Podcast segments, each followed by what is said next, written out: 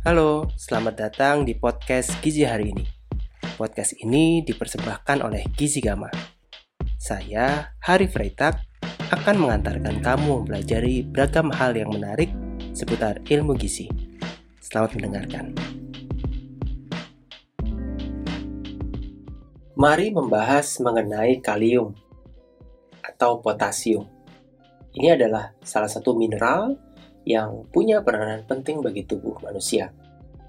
Berperan sebagai elektrolit, tetapi fungsinya tidak hanya itu.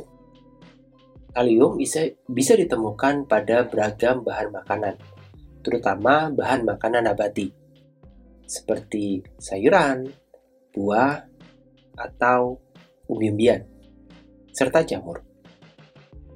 Jadi, kalium ini banyak terdapat pada bahan makanan sekitar kita. Pada kalium, penyerapannya ini terjadi dalam usus kita. Diperkirakan 90% dari kalium atau potasium yang terdapat dalam makanan ini berhasil kita serap. Meskipun demikian, ada beberapa faktor yang mengendalikan penyerapan kalium. Olive oil diperkirakan dapat meningkatkan penyerapan kalium. Sedangkan serat makanan ini malah menurunkan penyerapan kalium. Mekanisme secara pasti masih belum terlalu banyak diketahui, tapi yang jelas fenomena ini sudah dimulai ditemukan oleh peneliti.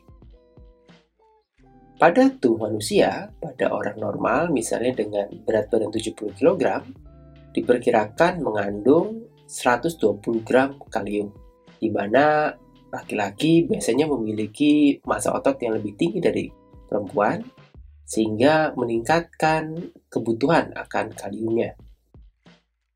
Dan konsentrasi kalium ini tinggi pada level seluler dibandingkan dengan cairan ekstraseluler.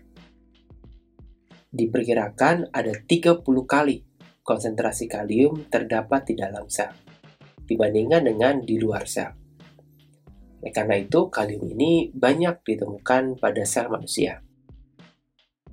Kalium ini didistribusikan dalam tubuh ya melalui proses sodium redistribution. Jadi ada pompa kalium dan natrium. Dalam kondisi hiperkalemia atau kadar kalium, kalium yang berlebihan, ini berdampak pada peningkatan insulin dan aldosteron serta epinefrin. Sehingga ini meningkatkan penyerapan dari kalium untuk masuk ke dalam tubuh manusia.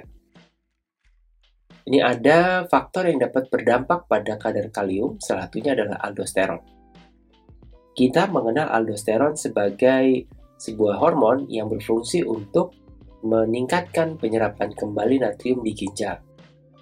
Nah, efek sebaliknya, aldosteron ini justru membuang kalium melalui ginjal.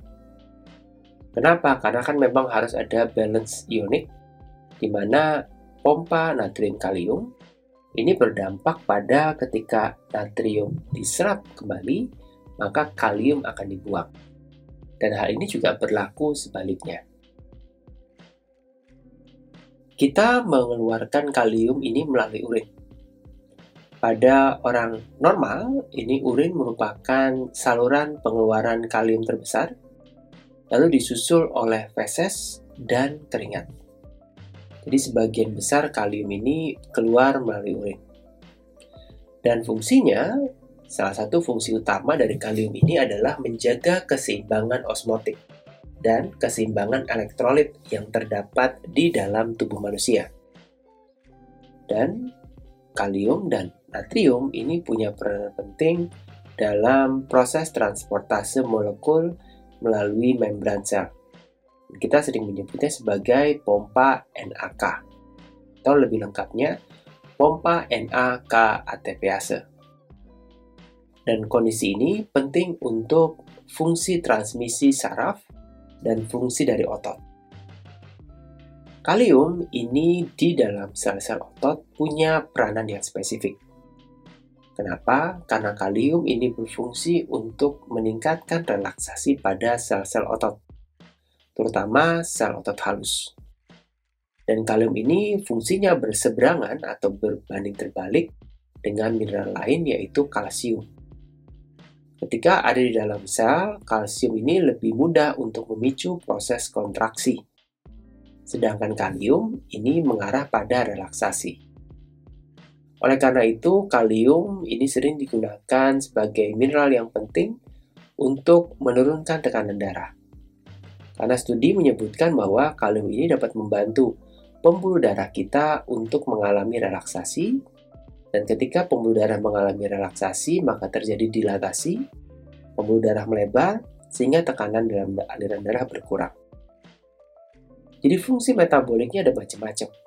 Selain mempengaruhi kontraksi otot, kalium juga terlibat dalam proses kardiovaskuler, pernafasan, cernaan, di ginjal, dan fungsi endokrin.